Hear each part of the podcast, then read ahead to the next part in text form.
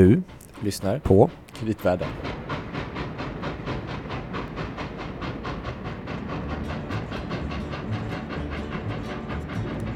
Boka plats, biljett och res medan möjligheten ges. Med vår järnväg vart du vill, snart finns den inte till. Ta en tripp med andra klass, gratis vatten, bruna dass.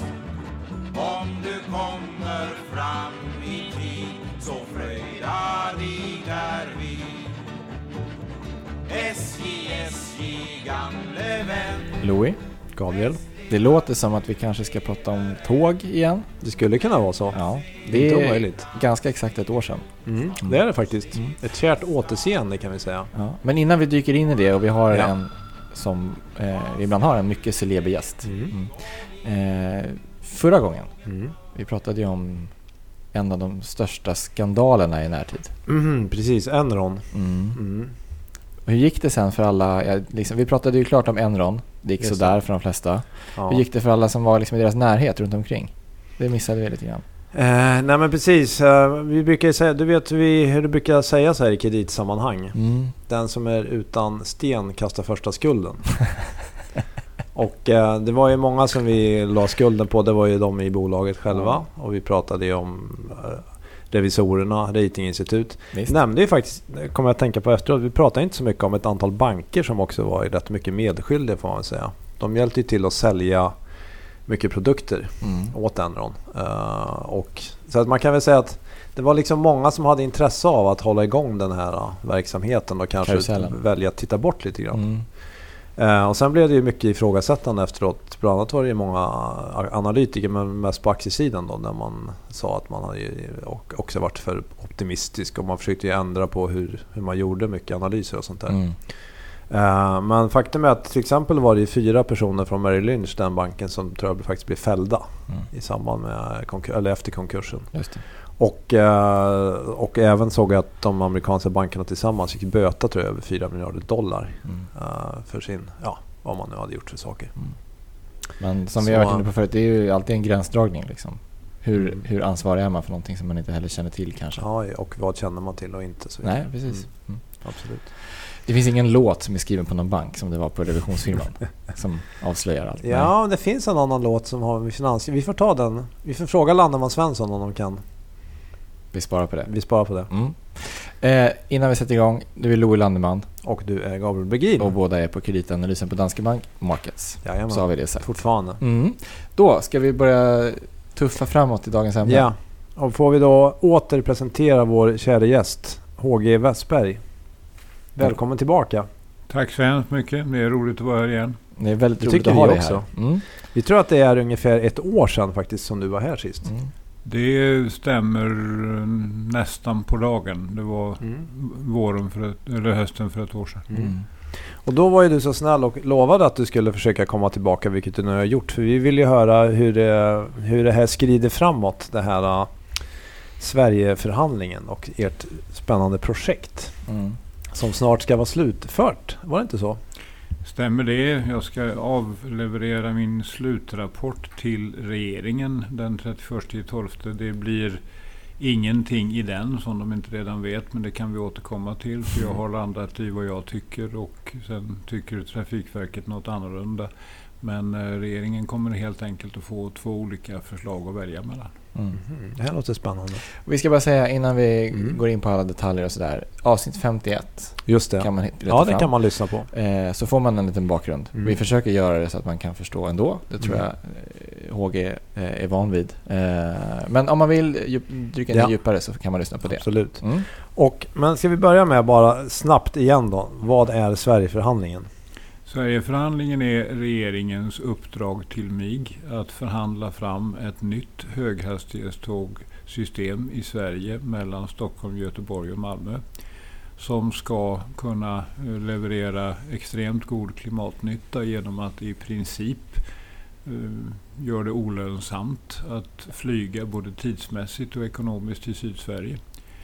Eh, Därutöver så ska det ge snabba regiontransporter längs med de här sträckorna. Och så finns det några andra uppdrag också, men vi håller oss till tågen tycker jag.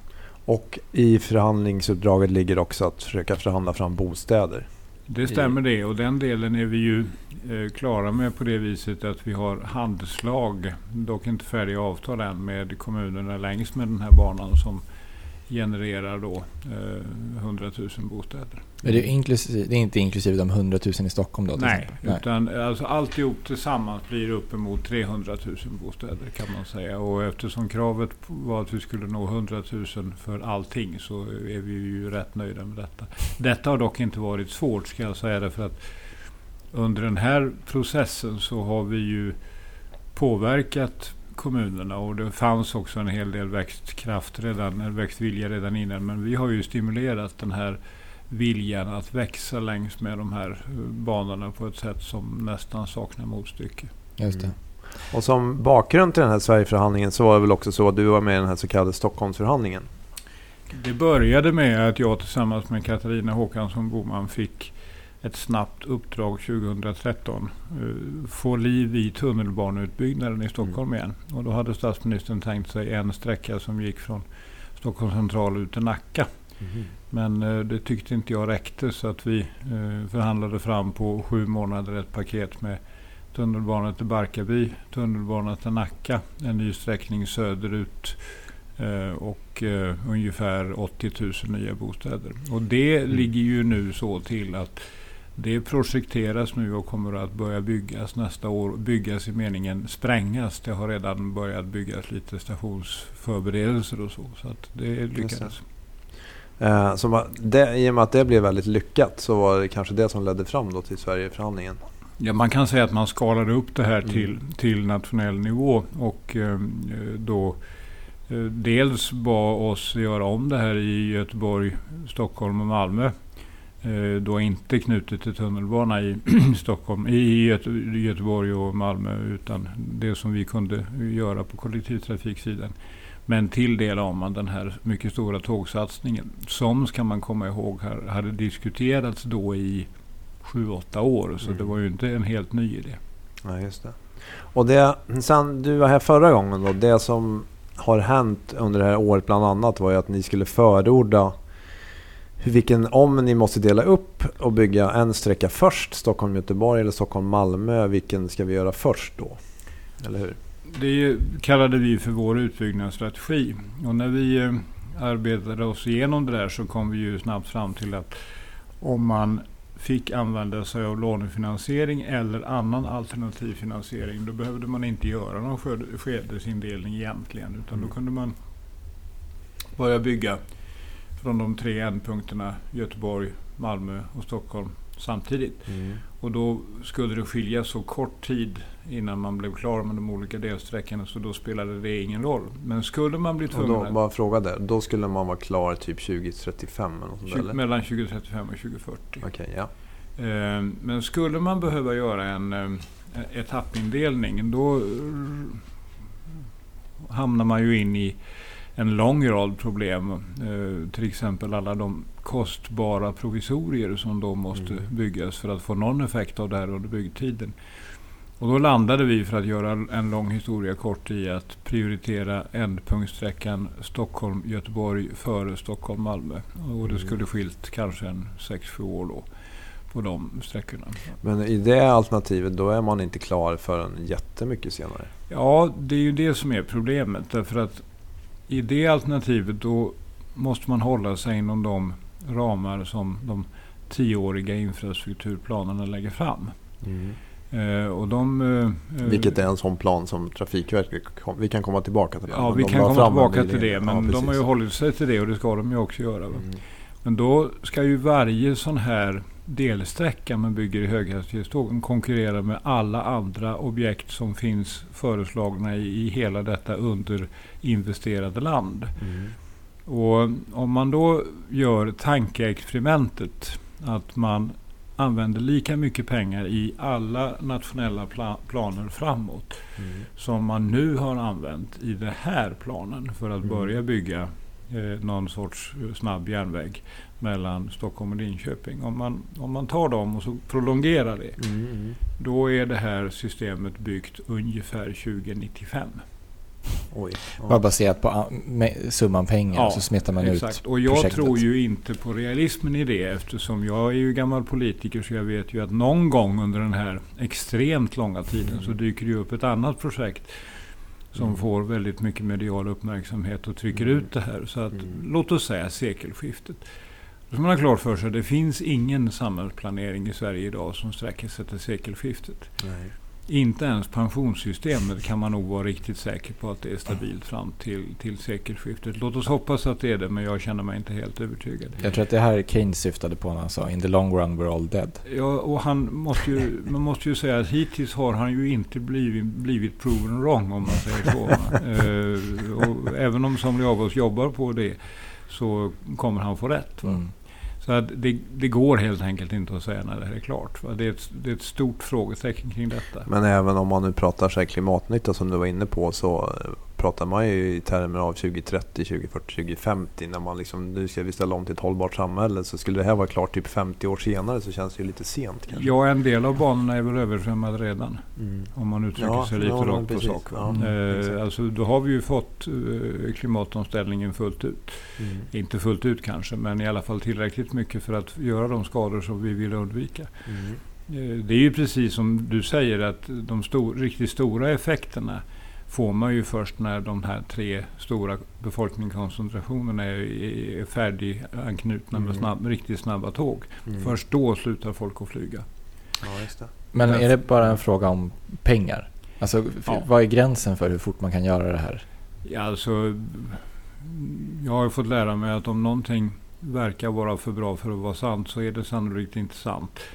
Och det finns ju kinesiska eh, prognoser då på att man kan bygga sådana här järnvägar på 8-10 år och det tror ju inte jag. Mm. Eh, men däremot så tror jag på mina egna bedömningar ihop med min personal och Trafikverkets personal och säger att intervallet 35, kanske några år senare, det är fullt realistiskt. Skulle Mm. nog till och med gå ännu fortare om man verkligen gav sig attan på det. För det är pengar som räknas. Vi har ju i Sverige ett, ett demokratiskt system som ger överprövningsmöjligheter och miljöprövningar och prövningar av äganderätt och allt detta. Och det ska vi ha. Va? Och det gör ju att det går inte att göra lika fort som på 1800-talet. Men det går att göra Eller i så. Kina? Eller Men i låt oss eh, ta några så här argument ehm, som ofta jag tycker kommer upp i samband med det här. Då säger vissa så här, ja men det är bra att vänta för vi kan göra så här hyperloop istället, säger de då till exempel. Och vad säger du då? Så att idag börja planera för hyperloop i Sverige som hyperloop som inte existerar än. Mm. Det tycker jag är en för stor risktagning för en liten ekonomi som Stor Sverige. teknikrisk. Och Men maglev som ibland nämns tror jag kommer att vara omodernt ungefär vid den tiden. Mm. Eh, om hyperloop lyckas. Så jag tycker att vad vi ska göra är att använda mycket modern men beprövad teknologi. Där Frankrike, Tyskland, Japan, Spanien, Italien och England har gått före och, prövat Mm. och visat att det här fungerar alldeles utmärkt. Och som de fortsätter att investera i. Man ska Det är egentligen ganska få länder i Europa som inte har höghastighetsjärnvägar. så är det och Sverige tillhör ju ett av dem. Vi, vi tittade ju Mm. faktiskt på detta redan på 80-talet eh, och när fransmännen var igång med sin utbyggnad. Och då kom vi ju fram till att det är för dyrt för oss. Alltså så byggde SJ lutande tåg istället för Mm. att komma upp i åtminstone uppemot 200 km i timmen. Det där var en typisk svensk Mm. mellanmjölklösning. Ja. I slutändan blev det bara Sverige som körde det. Kina köpte ett tåg för att testa och lämnade tillbaka det. Eh, så att, eh, Ja. Det felet vill jag inte göra om. Men jag vill heller inte, alltså att använda för gammal teknik. Men jag vill heller inte föreslå sånt som jag inte kan stå för. Och jag kan inte stå för hyperloop. Jag kan inte Nej. stå för att det funkar. Men det, det att vi byggde X2000 det kanske också förklarar det här med våra kapacitetsproblem. För en, en viktig aspekt på de här, den här nya, eller det som ni förordar är väl att man ska kunna köra tågen på båda. Ja, Eh, så man kan växla så att säga. Och det är en ganska stor poäng med att... så är det. Och så gjorde ju fransmännen. De, de hade ju ett välutvecklat, välutvecklat järnvägssystem. Även Tyskland ha- hade ju det. Och de ville ha ett system som var interoperabelt. Att man Mm. kunde köra in med de snabba tågen på de gamla banorna. Sen Mm. att fransmännen kanske gör det lite för mycket och därmed får ner snitthastigheterna. Det är väl ett problem. Vi hade tänkt att inte göra det. Mm. Sen ett annat argument som jag också hört mer på senare tid. Det, då säger man så här, vi behöver inte snabbjärnväg för att nu kan vi köra såna elbilar istället. Vad är svaret på det argumentet då? Jag tror att för trafiken i och kring städerna är det där snubblande nära att bli verklighet. Mm. Även om jag noterade att på den stora bilsalongen i Frankfurt så fanns det faktiskt inga sådana bilar även, även om alla pratar om det. Mm. Men det är för korta och medellånga transporter och de kommer dessutom under lång tid att vara väldigt, väldigt dyra. Mm. Jag kan inte se att en el, elbil, inte ens en, snabb, inte ens en självkörande elbil kan konkurrera på sträckan Stockholm-Göteborg. Eh, Sen du har vi också godstrafik antar jag. Ja, Sen har du också godstrafiken. eh, För då får du ju inte den här överflyttningen av, av eh, gods från järnväg till järnväg. Och du skapar ingen ny kapacitet i järnvägssystemet. Så jag tror det kommer, men jag tror att det är marknadsdrivet. Människor som jag, som har relativt gott om pengar, kommer så fort det bara är möjligt skaffa mig en sån bil. Men än så länge är det inte möjligt. Mm. Och kanske ett svar också på den frågan med elbil är väl kanske att det inte är antingen eller utan det kommer behövas både och. Det kommer garanterat lyckas. att bli både och. Jag ser ju framför mig ett sånt här höghastighetstågsystem som är integrerat eh, på operatörernas sida som så att du köper din biljett från Stockholm till Göteborg och när du stiger av tåget till Göteborg så står det kan en elbil, kanske till och med en självkörande bil och vänta där. Mm. Som kör dig till den destination i Göteborgsområdet som du ska till. Mm. Likadant i Jönköping, likadant i Värnamo, likadant i, i Tranås. Mm. Så jag tror att det är både och, absolut. Mm.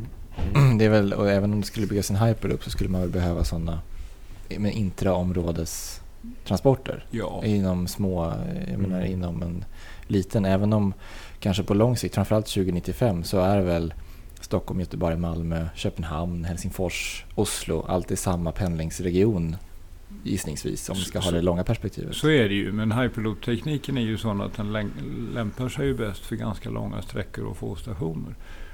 Och då missar du ju det som vi får i vårt system, att man kan eh, ha stationer, många stationer Mm. längs med banan, där en del tåg kan stanna. Hyperloop-tågen kommer aldrig att stanna i Jönköping, Mm. för att inte tala om Värnamo. Just det. Och då missar man det som jag tycker är väldigt viktigt, nämligen eh, arbetsmarknadsregionernas utveckling. Eh, modernt arbetsliv och modernt familjeliv har ju det gemensamt att människor båda jobbar. Det är ju en självklarhet redan i Sverige. Men båda kanske inte vill ha jobb på samma ställe. Eh, hon kanske får jobb på Saab i Linköping och han kanske får jobb i Göteborg.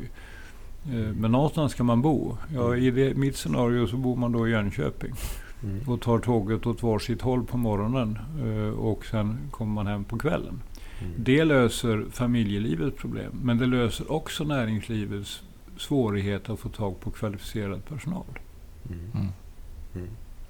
Ja, Jag tänkte precis säga för att om man behöver man liksom ha så många stopp. För att är, i Sverigeförhandlingen så har det också ingått inte bara Jönköping utan det är ganska många också mindre städer på vägen som har förhandlat till sig eller vad man ska säga ett stopp eller en sträckning.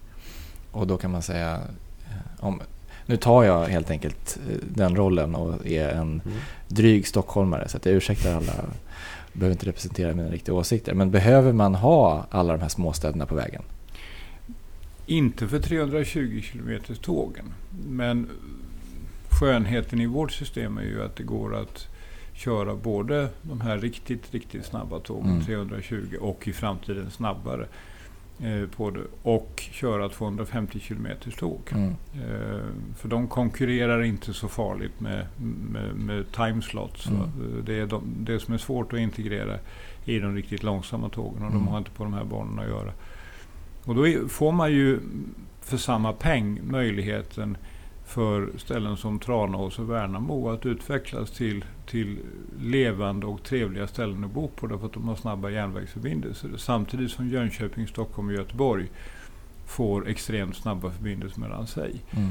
Och jag tror att Sverige mår väl av att all växt inte äger rum i Stockholm, Göteborg och Malmö. Eh, Jag är själv storstadsmänniska, inbiten sådan.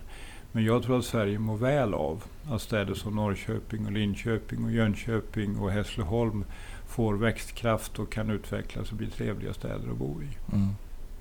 Det har ett eget värde i sig. Det har för mig ett egenvärde men det har också ett, tror jag, ett ekonomiskt värde. Därför att det innebär att man kan sprida ut eh, fastighetsinvesteringarna, undvika de här enorma fastighetsboomerna i de tre Mm. stora städerna som blir fallet om alla ska bo här. Det blir aldrig en fastighetsboom i Tranås. Va? Det blir aldrig så att man får en fastighetsbubbla i Hässleholm. Eh, och jag tror att det är bra även ekonomiskt. Vi riskminimerar på det viset. Men då mm, kommer vi till den här frågan om samhällsekonomiskt lönsamt eller inte. För att det heter ganska ofta i den här debatten att det här är inte ett samhällsekonomiskt lönsamt projekt. Men då som alltid antar jag att det beror på hur man räknar och hur, man, hur modellen är byggd så att säga. Och jag, om jag har förstått det rätt när man tittar på de här modellerna så är de, de tenderar att vara ganska statiska. Och då räknar man inte in den här typen av, om man kallar det för dynamisk effekt på en, vilket är som du säger en del, stor del av syftet plus miljönyttan och så vidare. Att man, det känns som att det är ganska begränsade.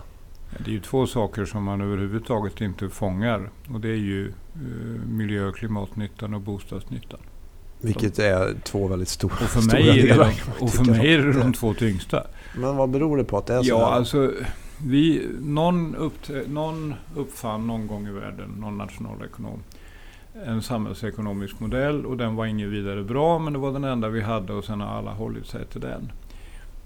Det är väl Och bra nu, nu är den så kallat beprövad. Ja, nu är den beprövad och, och jag tycker väl det är bra när man jämför två projekt med varann. Mm. Men inte när man jämför att inte göra något med att göra något. Mm. Därför att det är nämligen så att ingen järnvägsinvestering som jag har stött på i Sverige i modern tid har blivit samhällsekonomiskt lönsam. Ingen.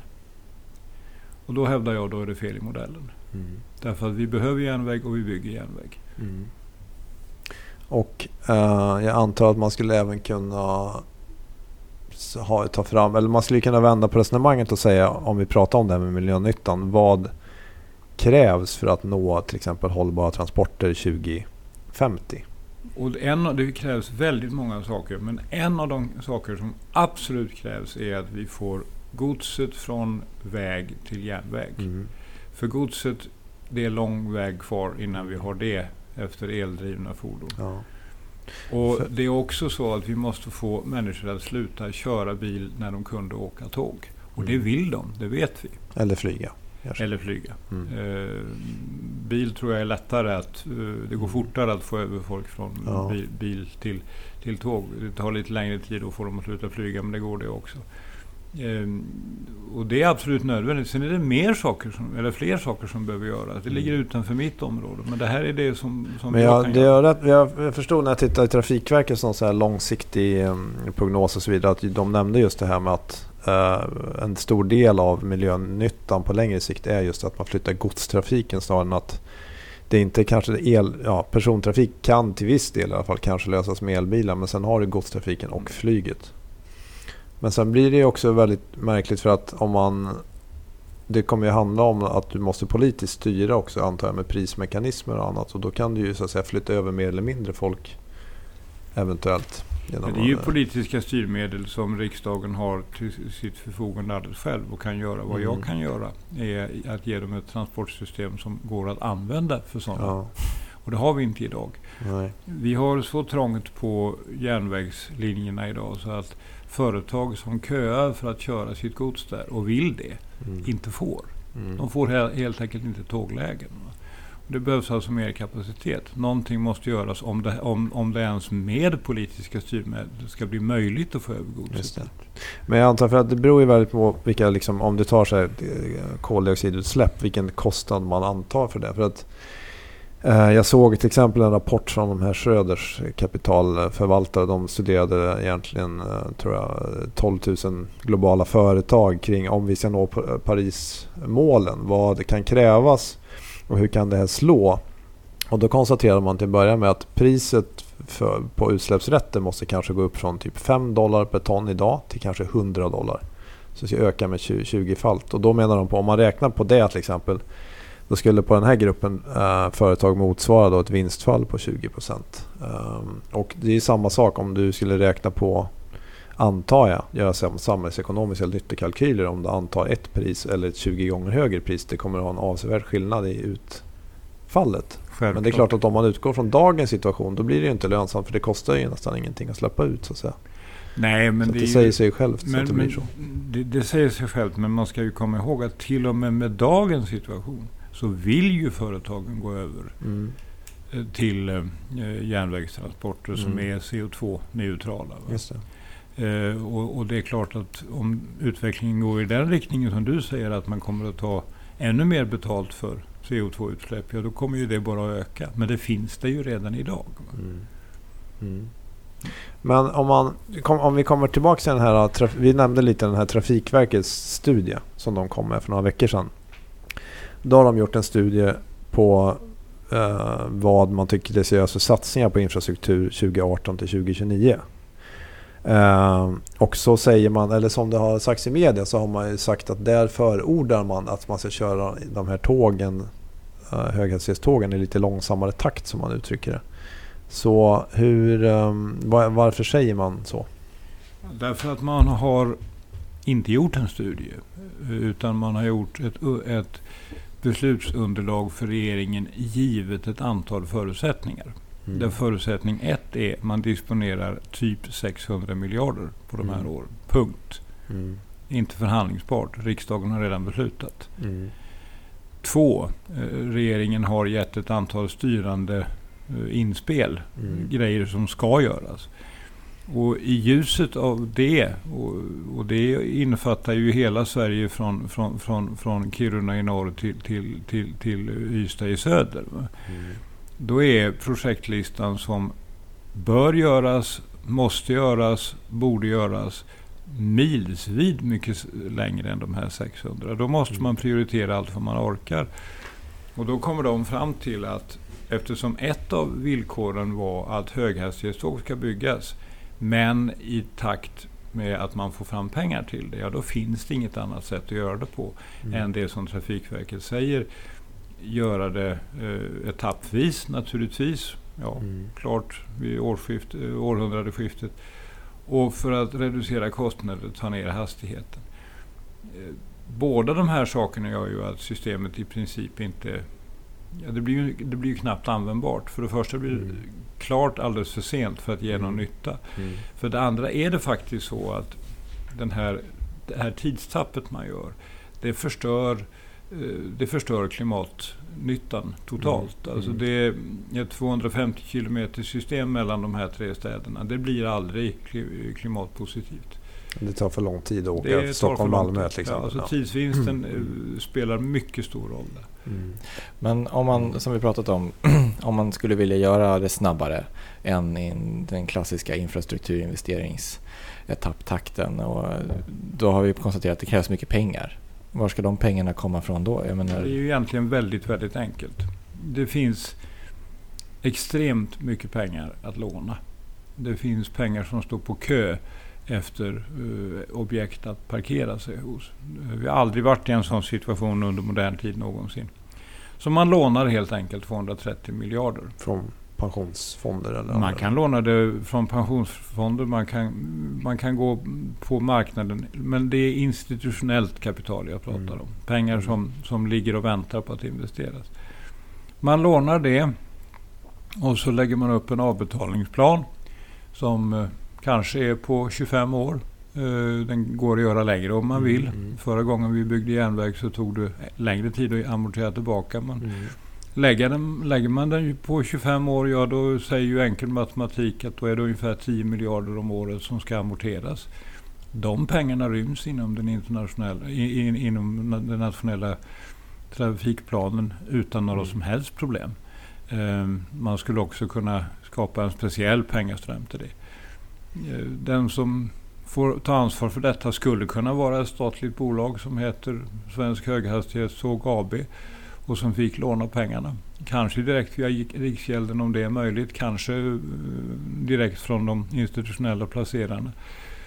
Och på 25 år har vi amorterat av detta och har bara nyttan kvar av det. Så det är faktiskt Mm. väldigt enkelt. Vi konstaterade här att Österrike, staten Österrike nyligen var ute och lånade upp 100-åriga obligationer. Eller gjorde 100-åriga obligationer. Storbritannien har väl gjort det någon gång men det är inte så vanligt. 2,1 procent i Mm. ränta. Så då vet man ju kostnaden också för att låna då. Ungefär. Ja, inte nog med att man vet kostnaden.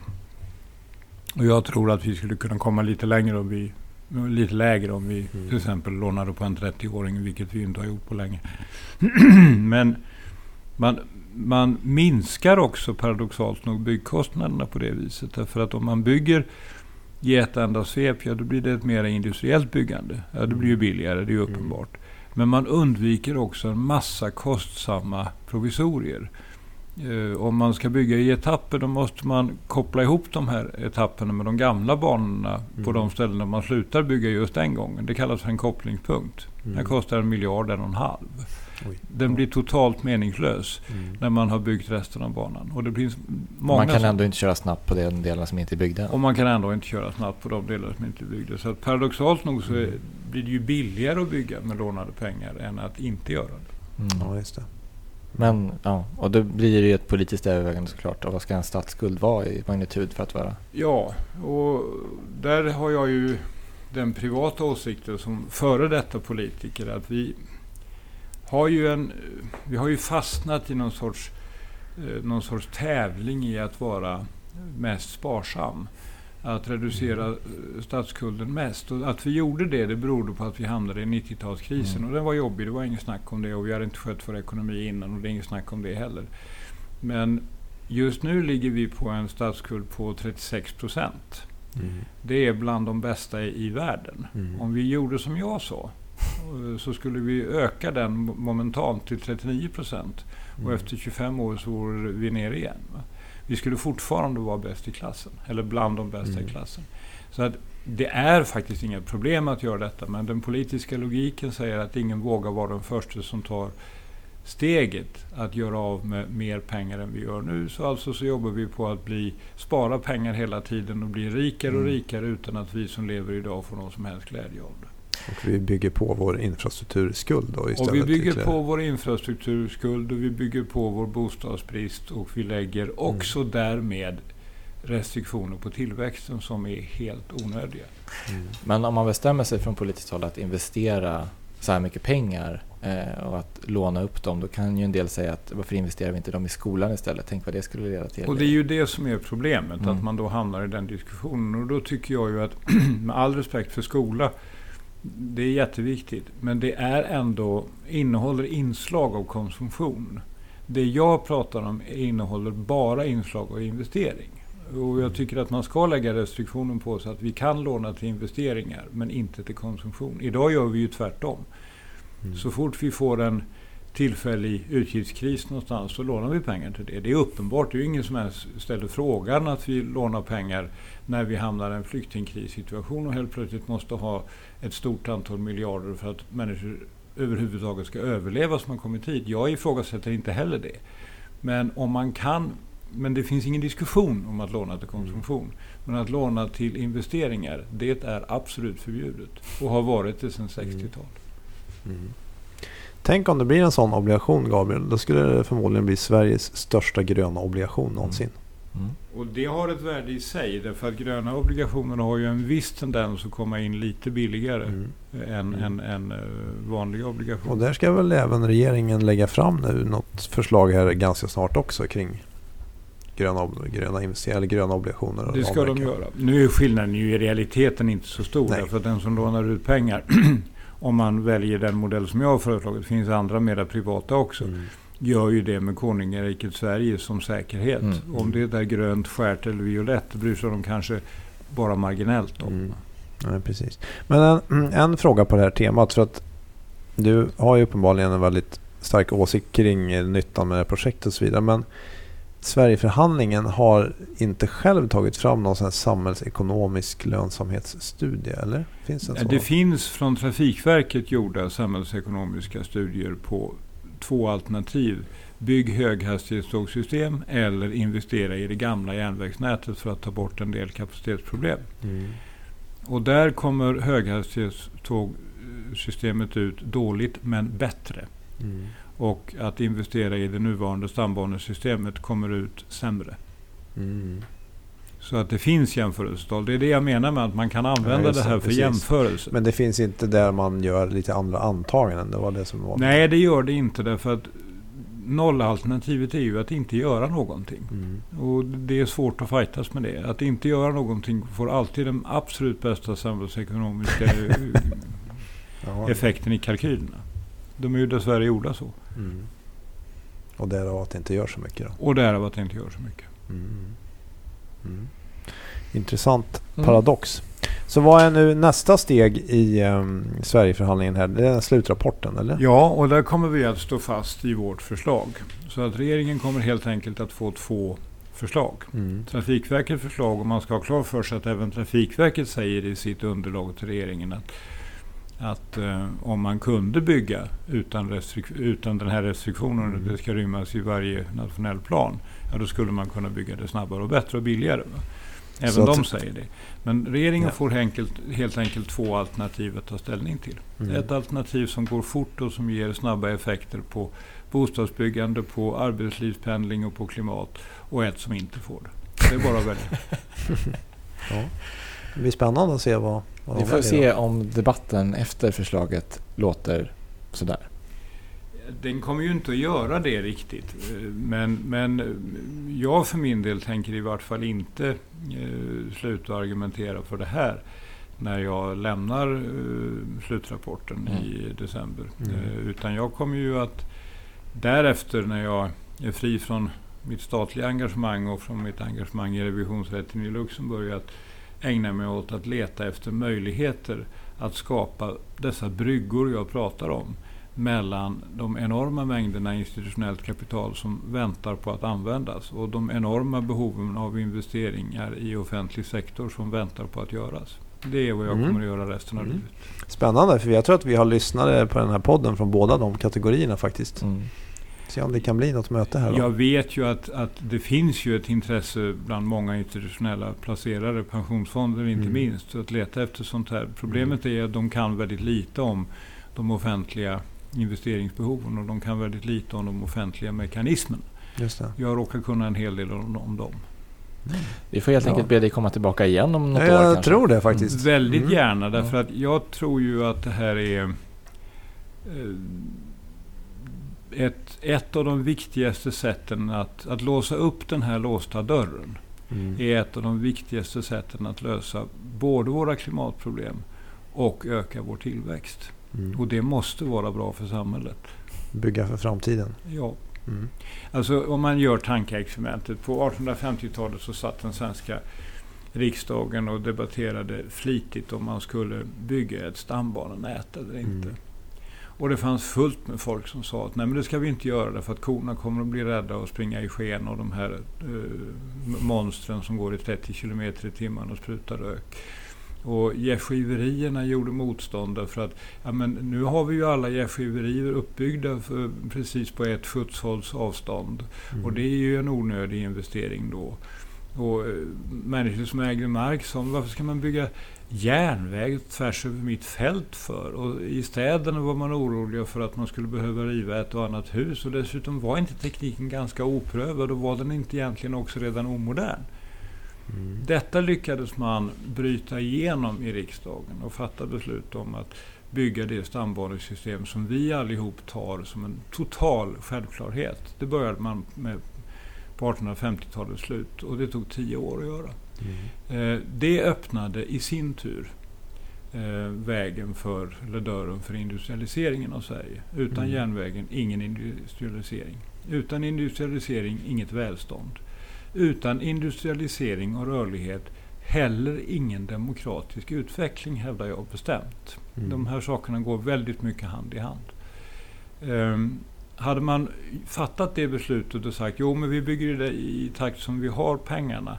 Ja då hade det väl varit klart någon gång på 1950-talet. Vi hade ju liksom missat hela 1900-talets dynamiska utveckling. Mm.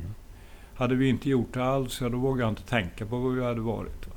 Vi hade varit Men då säger de som är emot det här att ja, men det är skillnad för på den tiden körde man med häst och vagn och så är det ju inte nu. För vi har ju flyg och hit och dit. ja, och skillnaden i hastighet mellan häst och vagn å ena sidan och, och, ett, och ett normalt eh, ja, tåg kanske i 60, 70, 80 kilometer i timmen som det gick när man hade byggt systemet färdigt var enorm. Mm. Eh, och eh, skillnaden idag mellan 320 kilometer i timmen och de kanske 150 som tågen går idag är också enorm. Mm. Eh, Jokern är ju flyget Mm. som går ännu fortare Mm. men som får väldigt oönskade eh, klimateffekter Mm. och som också påverkar på ett annat sätt. Flygplatser hamnar alltid långt ut från städerna. Städerna Mm. mår inte väl av den utvecklingen. Det finns många som har skrivit om att städer som utvecklas kring järnvägsstationer blir väldigt trevliga städer. Mm. Det skapas kritisk massa kring järnvägsstationen. Det finns utrymme för handel och service och kultur och allt möjligt kring dem. Men det gör det aldrig kring flygplatser. Mm.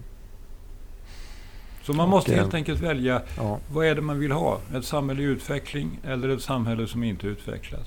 Ett samhälle som utvecklas i en trevlig och klimatneutral riktning eller ett samhälle som inte gör det. Det är bara att välja. Mm. Jag tycker det låter bra ja. Mycket som skulle kunna fungera som slutord här. Så att, Ja, precis. Men för din egen del då? Kommer du att fira på nyårsafton här då eller? Jag firar alltid på nyårsafton, fast det- numera väldigt lugnt. Ehm, nej, men jag kommer att sakna det här. Mm. Eh, därför att eh, det kanske... Det kanske inte är det allra jobbigaste jag har gjort, för det var att vara statsministerns statssekreterare. Det kanske inte är det minutmässigt viktigaste, för det var det definitivt att vara statsministerns statssekreterare. Det kanske inte var det viktigaste, för det var att skaffa en familj. Men det mest framåtriktade jag har gjort, det mest optimistiska jag har gjort, det som har haft kopplingar in i allting det jag tror på, utveckling, det är nog det här. Mm. Så det kommer jag att sakna på nyårsafton. Mm.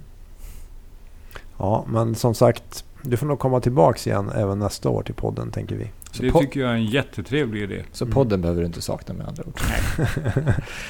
Bra. Ja, mycket nya intressanta inspel även denna gång. Yes. Stort tack. Men eh, jag har för mig att när du var här förra gången så sa du att den där Take the A-Train, den gillade du rätt mycket. Så jag tänker att vi kan eh, avsluta med den låten men vi tar slutdelen den här Mm. gången. Mm, Låter det bra Robin? det låter fantastiskt. Stort tack för idag. Då kör vi. Det gör vi. Mm. Hej. Hej.